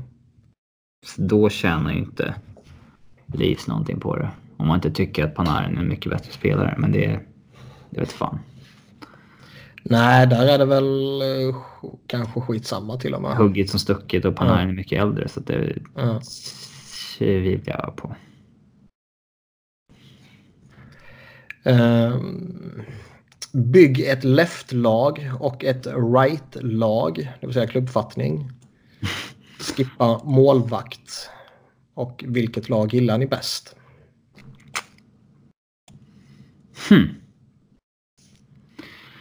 Du tar två leftbackar till att börja med. Ja, vilken spelare är du alltid glömmer är left-right? Det var en spelare. Eh, Bonino. Ja, som är leftare som sagt. ja. Jag vet att han är leftare, men jag tror alltid han är rightare. Jag, jag får inte in det i skallen. Ja. På nl.com kan man dessutom filtrera lefter och righter. Mm. Så två leftbackar. Vilket har vi helst? Ska vi ta en femma eller ett lag? Nej, en femma. Mm, Ja. Ett lag blir jävligt saftigt. Ja. Där finns det ju mer att välja på på right-sidan. Left-sidan så blir det väl... De som ligger topp i poängligan nu är Morgan Riley och Mark Giordano. Det kanske blir dem då. Eller ja, Victor Hedman var väl före... Egentligen före Riley, eller? Ja, jag skulle säga Giordano och Hedman. Ja. Om vi nu ska skippa Ghost och Provrov som har eh, lite problematiska säsonger. ja. Och du har inte kommit över ditt hat mot Hampus Lindholm? eller? Nej. eh, tre left forwards då. Ja. Kucherov, Kane McDavid leder poängligan. Eh, Finns några att välja på här. Rantanen är inte så jävla kass. Johnny Hockey är inte så jävla kass. Nej, och det är väl klart att Crosby är alltid Crosby, men man ska försöka ta en center. Och det är ju McDavid. Mm. Vi har Matthews som ligger en bit ner i poängligan men också missade en del matcher. Ja. Men det kanske är så tråkigt att det är de där topp trean. Kucherov, Kane, McDavid. Kutcher och McDavid håller jag med om helt och hållet. Eh, Kane är väl lite mer debatable om man vill ha han eller Rantanen eller Gaudreau eller vad det nu ska vara. Men jag kan ju vika mig för Kane. Ja, han har alltså 78 poäng i ett väldigt svagt Hawks i år. Det är Mm. imponerande. Så är det. De tre alltså. Mm. Tar vi right-backar. Blir det San Jose-duo? Ja. Jag ser inte vem som ska utmana de två. Mm, nej. Jag trodde faktiskt det skulle vara lite hårdare konkurrens, men... Jag trodde mer om PK Subban för några år sedan. Att den skulle bli det här Mm. toklyftet i Montreal. Eller i eh, Nashville. Men eh, nej. Nej, och de andra som kanske är eh, sådär aktuella i vanliga fall, de har kanske inte riktigt varit på den nivån heller. Så Mm. Jones behöver väl, visst han har varit lite skadad och, och, och missat några matcher, men han är väl inte där heller. Dowdy är inte där heller. Barry också snäppet under, även om jag tycker att han är underskattad. Ald- Aldrig nämns bland de här bästa. Men... Mm. Nej, det blir Mm. de två. Mm. Tre forwards då. Ja. Poängligaredarna heter McKinnon, Point, Pasternak. Jag är väl redo att ta kampen för McKinnon som center. Ja, den kan jag väl ge dig. Det skulle vara om man ville ha typ så här Bergeron eller någon sån istället. Lite mera tvåvägs force. Eh, sen vill jag ju ha med Ovechkin. Det kanske inte är overall. Alltså, Han ändå gjort mest mål. ja exakt. Det kommer man aldrig ifrån. Eh, men kanske inte är liksom overall bäst längre liksom. Men eh, Nej, men så länge han gör sina jävla mål så mm. går det alltid att mindre mål argumentera den här omgivningen heller. Nej. Nej. Nej, han är för cool. Um, Ovid till vänster, McKinnon center. Ehm, eller slänger man ut McKinnon till höger och slänger in en annan center, en Bergeron eller en Scheifel. Michael, eh, ehm, ska man gå efter en till vinge så... Ja, det är ju Pasternak eller Marner, känns det som. Ja. Det ska vara en kedja som kompletterar varandra så det Blake Wheeler varit intressant egentligen. Men... ehm, det är lite kaka på kaka som man säger kanske med man säga. Ovechkin. Eh, Nej, men de, är- de, de, de bästa är väl okej. Ovechkin, Pasternak, McKinnon. Kanske man måste Ja. nämna Braden Point här också. Det är en fruktansvärt bra säsong han har. Alltså det, Jo, minst sagt. han blir snuvad på centerplatsen. Ja. Och någon annan, eh, Claude Giroux måste man nämna såklart. Mm, okej. Okej. Annars känns det som att vi har fått med de som förtjänar att nämnas. Mm. Filip Forsberg, han är nästan point per game och missat många matcher. Men han ska ju inte vara med där. Mm. Vilket lag skulle vi föredra då? Jag landar nog i right-laget. Ja. Ja. Häftigare backpar. Eh... Hugger som stucket av kedjorna kanske. Ja. Framförallt lite roligare. Ja, det är ju ofta forwards i flashigare right- spelare, rightarna. Ja. Um, du hittar ju en mer spets bland dem oftast. Vilket är fascinerande. Mm. Har Elias Pettersson äntligen fått en värdig utmanare om Calder Trophy? Och det här syftar ju på Carter Hart såklart.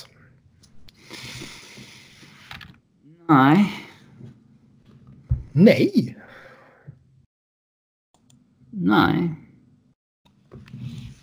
Det ska vara om han bär dem till slutspel typ. Ja, nej, jag håller med. Eh, Alltså han är inte... Han har kommit in för sent i säsongen för att det ska vara aktuellt tror jag. Jag håller helt och hållet med. Det, det du var inne på är ju att om han bär dem på, som vi var inne på tidigare, den här osannolika eh, avslutningen. Och vi vet att recent bias eh, ändå kan påverka väldigt hårt och säga att Vancouver börjar dippa av och Pettersson inte går så jävla bra efter en lång och slitsam säsong och sådär. Då, då kanske det kan finnas någon, någon chans. Men eh, jag tror ju inte Philadelphia kommer göra det. De har alltid varit ett streak-lag. De har de senaste åren har de, de har vunnit tio raka och de har torskat tio raka och de har eh, vunnit tio raka och sen förlorat åtta av de tio efterföljande. Så den där segersviten blev liksom helt meningslös. Ja, det känns inte som att de är... Typ som St. Louis, de har ju vaknat nu. Ja, Det känns ju som ett så här... När de har vaknat så känns det som ett genuint bra lag som har vaknat som man liksom ändå kan ja kommer tro trumma att nu igång håller de en sätt. top pace året ut. Ja. Men med Philly känns det ju inte riktigt så. Nej, nej, nej. Men huvudargumentet i Calder är ju att han, han kommer inte in förrän liksom, efter nyår. Hart. Man ska ju i regel ha varit med hela säsongen för att vara aktuell. Mm. Eh, Så nej, det blir ju Elias Pettersson. Fortfarande. Yes. Eh, eh. Kan man få en utläggning om vad svenskhatet grundar sig i? Jag tror den här frågan är riktad till Sebbe. Ja. Så då kan vi inte ta det. Nej, jag tror den är riktad till framförallt mig och kanske lite till dig. Ja, alltså. Det är väl någon sorts så motpol till att det är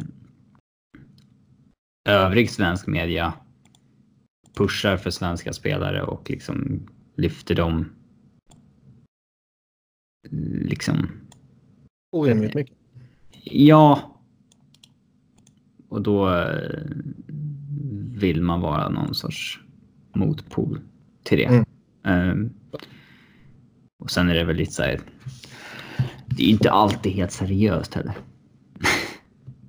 Jag är alltid dödsseriös i allting jag säger i den här podden. Det är ofta Sebbe blir lite tjurig när vi säger något sånt också. Så det är mycket för den delen. Ja. För han vill ju att vi ska vara den här som liksom har någon svensk fokus varje avsnitt och på så vis. Eh, För det är bra för det är det som drar lyssnare liksom. Så är det. Men vi har ju sen typ sju år tillbaka ändå haft något medvetet val att vi inte ska vara någon... Det här är en podcast på svenska men det ska inte vara någon mer fokus på svenska spelare överhuvudtaget mot vad det hade varit om det här var en podcast som spelades in i, i Kanada. Eh, Exakt. Eh, Så därför kan det ju rikta någon hatisk eh, slägga mot Sebbe eh, om han tar upp någon svensk spelares prestation som vi inte hade tagit upp om det var en kanadick typ. Ja. Eh, ja, Typ så. Ja. Egentligen inget svensk hat sådär. jo. Nej, men det var väl en bra summering. Uh, det är frustrerande också att ha stora svenska stjärnor i sitt lag tycker jag ju. Just för att det blir en, en orimlig... från Foppa-tiden fortfarande. Alltså Foppa-tiden var ju bra på ett sätt. För enda sättet man kunde se matcherna på den tiden var ju på tv. Mm. Eh, det fanns ju ingen stream och grejer. Man kunde inte välja alla matcher och sådär. Så, eh, Kanal Plus var det väl på den tiden. Visade ju alla Philadelphia-matcher och det var ju positivt. Negativt var ju att varenda jävla människa man pratade med var ju helt plötsligt eh, NHL och Philadelphia och Peter Forsberg-experter. Vilket är sjukt frustrerande. Alltså. alltså var det... Det var ju, så här, det var ju Zlatan. Han är ju Zlatan stor liksom. Mm. Eller är Zlatan Foppa stor? Ja. Nej, Zlatan var ju större på så vis. Eh, men liksom alltså. Det var en annan grej med Foppa-sudden. Tiden. Mm. Mot det är inte för att det surras på skolgårdarna idag om att Elias Lindholm leder svenska poängligan, tror jag. Nej, jag kan vara beredd att hålla med där.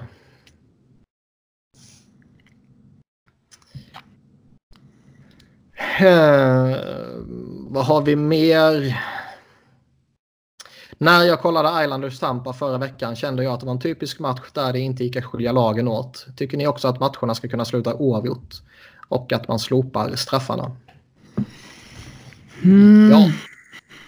Nej, jag har inget emot att uh, vi får ett avgörande. Jag har liksom vant mig vid det för att det har varit så inom både svensk och amerikansk hockey så länge nu. Att... Uh, jag, jag gillar att man får ett, ett avgörande. Däremot tycker jag att man ska gå över till trepoängssystemet. Att inte att det inte delas ut fler poäng i en match för att det blir, går till förlängning. Utan att det, det ska vara tre poäng som delas ut. Vinner ett lag ordinarie tid så blir det tre poäng. Vinner man i sadden så får man två poäng och den andra får en. Eh, som ja, och det har vi pratat om tidigare. Mm. Jag tycker också att jag ska ha tre poängsystem eller så eh, vill man behålla tvåpoängssystemet så två poäng för seger efter ordinarie tid, en poäng efter seger under förlängning. Ja, eller två poäng. Och inga förlorarpoäng. Ja, exakt. Alltså två, antingen två poäng helt och hållet oavsett om du vinner på straff eller på eh, ja, match. Mm. Jag gillar inte att det varierar hur många poäng som delas ut i en match.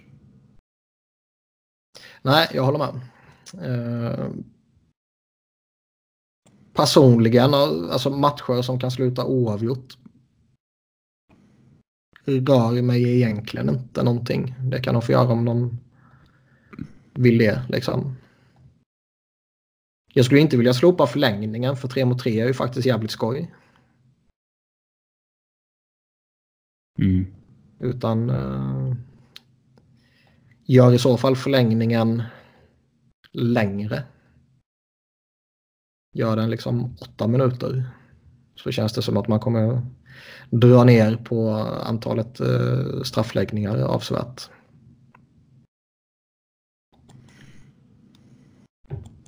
Mm. Eh, är det helt osannolikt att Rangers tradar Henke och vad skulle det betyda för deras rebuild? Positivt eller negativt? Frågetecken. Alltså, idag tror jag att det eh, inte är aktuellt alls för att Henke inte vill som jag har tolkat det. Och då tror jag att man Nej, eh, respekterar det. Ja, det är så ovanligt att... Uh, det är så ovanligt att en målvakt tradas sådär. Det har liksom inte hänt sen Patrick Raw i princip. Liksom. Uh, att en första målvakt tradas sådär. Ehm. Men... Eh, han har ju bara två år kvar efter i år. Det kändes som det var ganska nyligen han signade det åttaårskontraktet. Ja. Men det är ju liksom, eh, vad fan. så länge han själv inte vill så är det ju helt orimligt att förvänta sig en trade. Och med tanke på att det är det enda som har sipprat ut och kommunicerats ut. Att han, han är redo att omfamna den här rebuilden. Han vill vara kvar i Rangers, han vill inte flytta. Så måste man ju ta det för sanning liksom. Mm. Och då kan jag inte se en trade ske. Utan det är nog aktuellt först när han själv vill bort i så fall, om han vill bort. Mm. Eh, har vi något mer här? Eh, Vi har några större grejer som jag känner att vi sparar till vi är alla tre. Så att vi alltid har någon att klanka ner på. Det vill säga vi väntar in Sebbe. Ja, det är några frågor här som kräver att man gör lite research och sådär. Bästa 18-åringarna i ligan genom tiden. Jag har väldigt få på, på rak arm. Vi har ju två andra här förresten. Vi har eh, som inte står med på körschemat som kom in sent. Är Milan Lucic NHLs sämsta ordinarie spelare? Han hänger inte alls med spelet längre. Han hinner inte tackla för antingen spelaren på andra sidan eller pucken. Oftast båda. Eh, röra pucken gör han bara om någon råkar sjuka på honom. Bra kontrakt! Utropstecken. Jag kan inte tänka mig att han är den sämsta ordinarie spelaren i ligan. Nej. Däremot kan han ju mycket väl vara den sämsta ordinarie spelaren i ligan i relation till kostnad. Eh, ja, Han och Franöf typ. november. ja, Eh, gjorde han ju mål assist mot Elfsborg för det. jo, det var ju givet ju. Det är som att kritisera Brian Boyle för att de kommer använda han i powerplay. Givetvis kommer han göra två PP-mål nu i första matchen. Mm. Nej, men det, i relation till kontraktet kan det absolut vara... Eh, eh, Jag tycker det jag tycker det är svårt som fan nu när man har kapp och man har eh, offentliga löner och sådär och säga sådana här saker utan att relatera till kontrakten. nej, allt handlar ju om bang for buck. Ja. Alltså... Det är. Det är allt spelet handlar om. Ja, lite så. Vi har en udda fråga här. Jag har lite regler kring tröjnummer när det kommer till vilken position du spelar på. Som back kan du bara ha tröjnummer från 2 till 8 och sen 30 till 98. Forwards kan bara ha 9 till 99. Målvakt kan bara ha 1 och 30 till 79. Har ni några regler kring tröjnummer? Sen kan bara... Var det, bara, var det bara för att få med Carter Hart? Eller vad? Ja, förmodligen. Sen kan bara forwards ha 66, 68 och 88 då såklart. Eh, Nej. Jag stör mig snarare på de som gnäller över när en spelare har ett udda nummer. Sådär. Eh, ja, Det är så många... jag kan tycka det är liksom li, lite... Om det liksom är, jag vet inte hur, det, vissa saker kanske är i... Alltså man vill ha en första center som har nummer ett. Men... eh, Ja, det, det skiter jag i och för sig men men ibland kan man se... NBA tror jag man har sett någon spelare typ spela i noll. Ja, det bara udda. Det är Ja. inget nummer. Ju... Nej, alltså, det, alltså vissa saker kan ju regleras i ett regelverk. att Du ska spela i nummer 1 till 99. Du får inte ha noll och du får inte ha tresiffrigt. Uh, sen kanske man kan få något undantag för det. Det var, var det inte någon SHL-spelare som hade något tresiffrigt nummer någon gång? Djurgården har haft det eh, på många spelare i enskilda matcher. Alltså ibland gjort- kan det vara sådär att eh, föreningen fyller 100 år och då ska man ha en med 100 på årsdagen. Liksom. Ja, men Djurgården har haft så med eh, många spelare när man nått olika milstolpar. 500 Mm. matchen har Ottosson, Falk, Bremberg och Ronny Pettersson alla haft nummer 500 till exempel. Ja, men som det är ändå... Det är ju en annan grej att det är ordinarie. Alltså... Ja, det är en annan grej. Åka runt i nummer 500 varenda match är ju udda. Mm. Det är. Annars, ja. Jag kan inte påstå jag bryr mig så jättemycket om det. Alltså, så länge ingen spelare kommer in och börjar kräva att man ska ha pensionerade nummer. Uh, vilket ju är känsligt. Mm. Det, det, det, är väl där jag skulle kunna reagera. Annars skiter jag ju fullkomligt vilka tröjnummer det finns. Det var ju någon, nu minns jag inte vem fan det var. Jag tror det var Doggy Hamilton förresten. När, um, när Carolina spelade en match här i, i höstas när de hade Hartford-tröjorna. Mm. Så spelade ju Doggy Hamilton i, var han nio va, har jag för mig. Och nio är ju pensionerat av Hartford. Av gamla Hartford? Så ja. ja. Eh, så det var, ju, det var ju några som reagerade på det och det var någon som kallade det respektlöst och det var någon som, du vet, bla bla bla. Men liksom... Det är en tillfällig grej. Alltså ju... Ja, och det är ju inte hans fel. Det är i så fall klubben som ska säga åt honom att hörde du Hartford här, de, de har den pensionerat. Kan du spela i typ 19 nästa match? Ja, alltså så här, ja, det fanns en spelare som la av innan du föddes som hade det numret som blev pensionerad. Det är inte hans uppgift att tänka på. Nej, nej, verkligen inte. Men säg att det kommer en spelare till Philadelphia och kräver att han ska ha nummer 16. Bobby Clarks nummer som är pensionerat. Då, då skulle man ju idiotförklara honom. Annars ska jag inte påstå att jag bryr mig om några siffror. Sådär. Mm. Lidström bad ju om nummer 9 när han kom till Detroit. Mm. Gordie House nummer. Det fick han inte va? Nej. Han visste inte om det. det, det, det, kan jag väl gissa mig till kanske att han inte visste det. Men, uh, ja nej. Vad tyckte vi om att Detroit, Detroit pensionerade ju Red Kelly här en veckan? Uh -huh. Jag som spelare som spelade sin sista säsong där 1960. Ja, jag vet. Eh, är det inte det lite... Tramsigt, jo. Ja, men så här, om ni tyckte att det var värt det så borde ni gjort det 1965. Typ. Eller ja, då spelar han fortfarande hockey. Men alltså... Men när han slutat liksom. Men man kan inte göra det mer än ett halvt decennium efter att killen har spelat sin sista match där. Nej, jättekonstigt.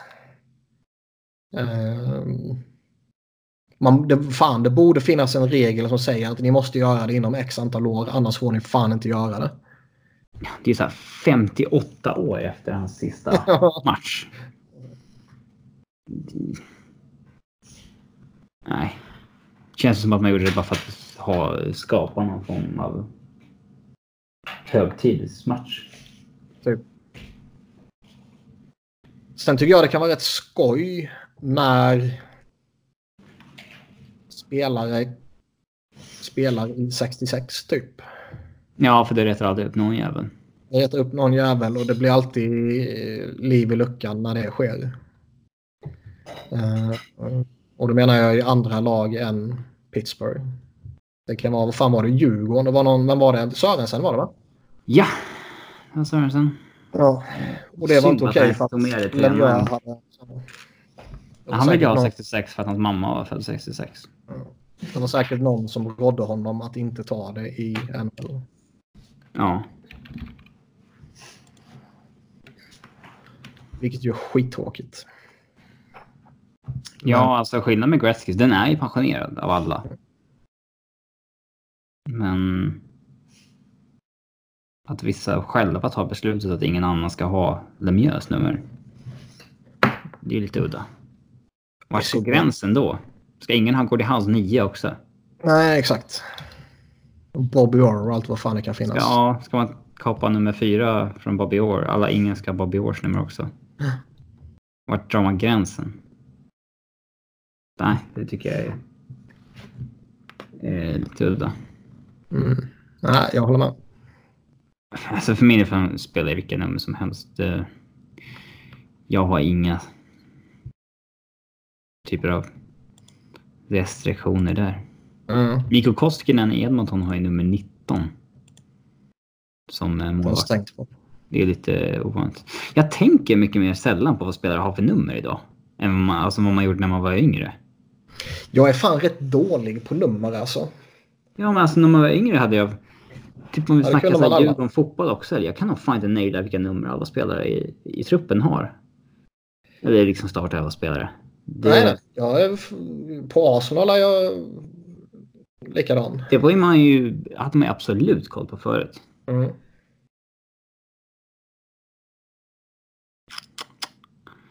Ja. Ja, värt att reflektera över. Har du sett att Mikko Koskinens eh, stats för säsongen nu har droppat ner till 90,2 procent? Det är nästan så att man kan tycka att de borde avvaktat med kontraktet. Mm. De senaste 14 matcher har han 87 procent. Sexigt värre. Edmonton börjar... Alltså om, om jag kom in som ny GM efter att Sherrod fick sparken och de inte hade hunnit signa det där kontraktet Ja. och man liksom återupptog förhandlingarna med Koskinens camp och sa okej men vad snurrade ni om? Och de sa tre år strax under fem. Då hade man ju trott att de ljög för en. Och försökte blåsa ja, exakt. Nej. Tycker jag är märkligt att han fick 2,5 miljon. Visst, han hade varit eh, 93-procentig i KHL sådär. Det är fan många som är det. Ska jag säga. Pavel François som Ävs plockade från KHL. Han hade ju 94,6 procent och 95 procent året innan. Mm. I, i, I KHL och stod för Tjeckien i OS. Och han fick Ävs liksom på 700 000.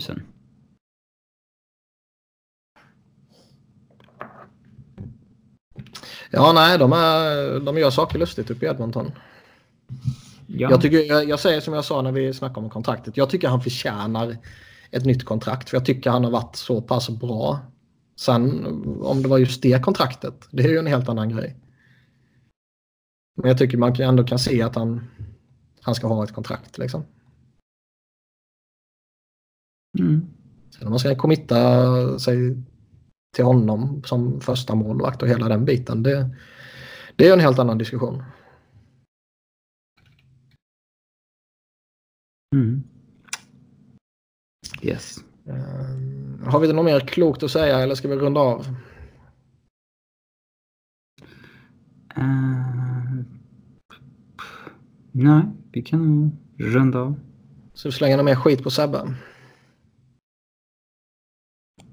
Nej. Det behövs inte.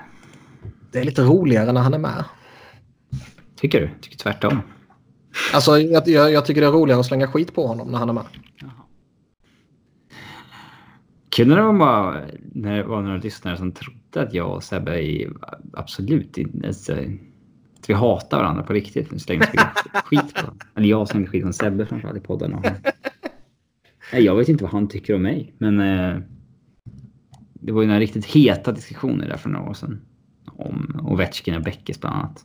Ja. Sånt som kastar bensin på svenskhatet. Det är Sebbes fel alltihop. Så är det. Svenskhatet. Eh, ja. Med de fina orden så avslutar vi. Mm. Eh, eh, tack för den här gången och eh, vi hörs väl förhoppningsvis nästa vecka.